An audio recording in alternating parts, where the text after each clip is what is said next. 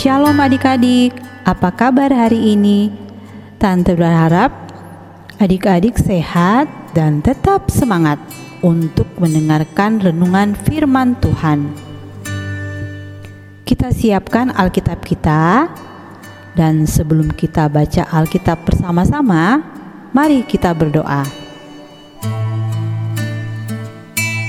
Puji syukur kepadamu ya Tuhan Yesus saat ini kami siap untuk merenungkan firman-Mu. Biarlah Tuhan Yesus yang berbicara kepada kami supaya kami mengerti firman-Mu dan melakukan dalam kehidupan kami setiap hari. Dalam nama Tuhan Yesus, amin. Adik-adik, mari kita buka Alkitab kita pada kitab Yakobus 5 ayat 14 sampai 15. Kitab Yakobus 5 ayat 14 sampai 15.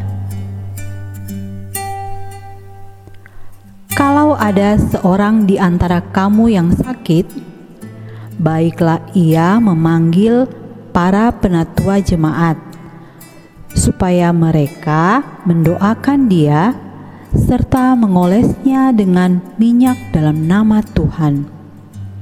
Dan doa yang lahir dari iman akan menyelamatkan orang sakit itu, dan Tuhan akan membangunkan dia. Dan jika ia telah berbuat dosa, maka dosanya itu akan diampuni. Adik-adik, Tema renungan kita hari ini doa memohon kesembuhan. Doa memohon kesembuhan. Ayat pokok kita hari ini Yakobus 5 ayat 15a. Dan doa yang lahir dari iman akan menyelamatkan orang sakit itu dan Tuhan akan membangunkan.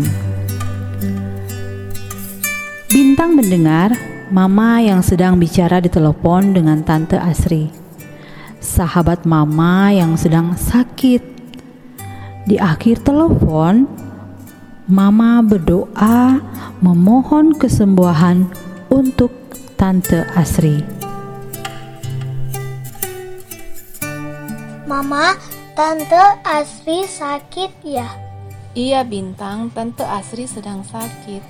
Jadi orang yang mama kirimi parcel buah vitamin dan obat-obatan itu Tante Asri. Iya Bintang. Kalau sudah dikirimin vitamin dan obat yang bagus jadi sembuh dong, Mah. Bintang, obat-obatan, makanan, dokter, vitamin, dan lain-lain itu hanya salah satu cara manusia supaya bisa sembuh. Tapi yang mempunyai kuasa untuk menyembuhkan sebenarnya hanya Tuhan. Jadi, Mama berdoa memohon kesembuhan. Kalau begitu, berdoa saja minta kesembuhan, Ma. Tidak perlu obat. Bintang sayang, vitamin, obat-obatan itu juga adalah hasil buah pikiran manusia yang diberi oleh Tuhan. Dokter dan para petugas medis juga adalah orang-orang yang sudah Tuhan pilih untuk membantu Tuhan menyembuhkan orang sakit. Jadi, dengan meminum obat, memeriksakan diri ke dokter, dirawat oleh suster adalah cara manusia untuk mendapatkan kesembuhan dari Tuhan dan kita berdoa memohon agar Tuhan membuat cara itu berhasil. Dengan tidak mau minum obat atau ke dokter, kita juga sebenarnya sedang menghalangi kesembuhan dari Tuhan. Oh, Bintang mengerti sekarang bahwa doa dan usaha sama-sama penting ya, Ma. Betul sekali, Bintang. Menurut bacaan adik-adik hari ini, siapakah yang akan menyembuhkan orang sakit? Siapa? Ya, betul, hanya Tuhan. Apa yang dikatakan Mama Bintang betul. Seperti di dalam Yakobus 5 ayat 14, ada usaha yang dilakukan untuk memperoleh kesembuhan, yaitu berdoa dan mengobati. Yuk adik-adik, kita katakan, aku tahu kesembuhan datangnya dari Tuhan.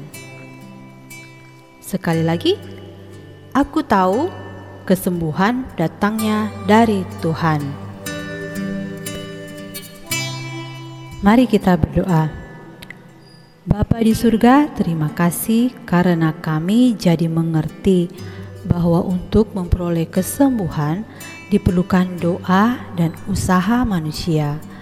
Dokter, tenaga medis, makanan, dan obat-obatan bisa menjadi alat di tangan Tuhan untuk memberi kesembuhan.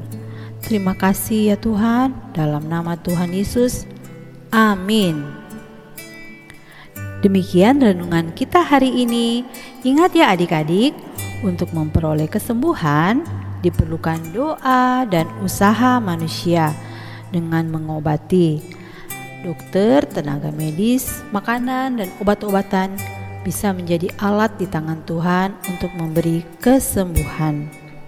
Tetap setia mendengar renungan firman Tuhan setiap hari ya adik-adik. Tetap protokol kesehatan ya. Tuhan Yesus mengasihi kita semua.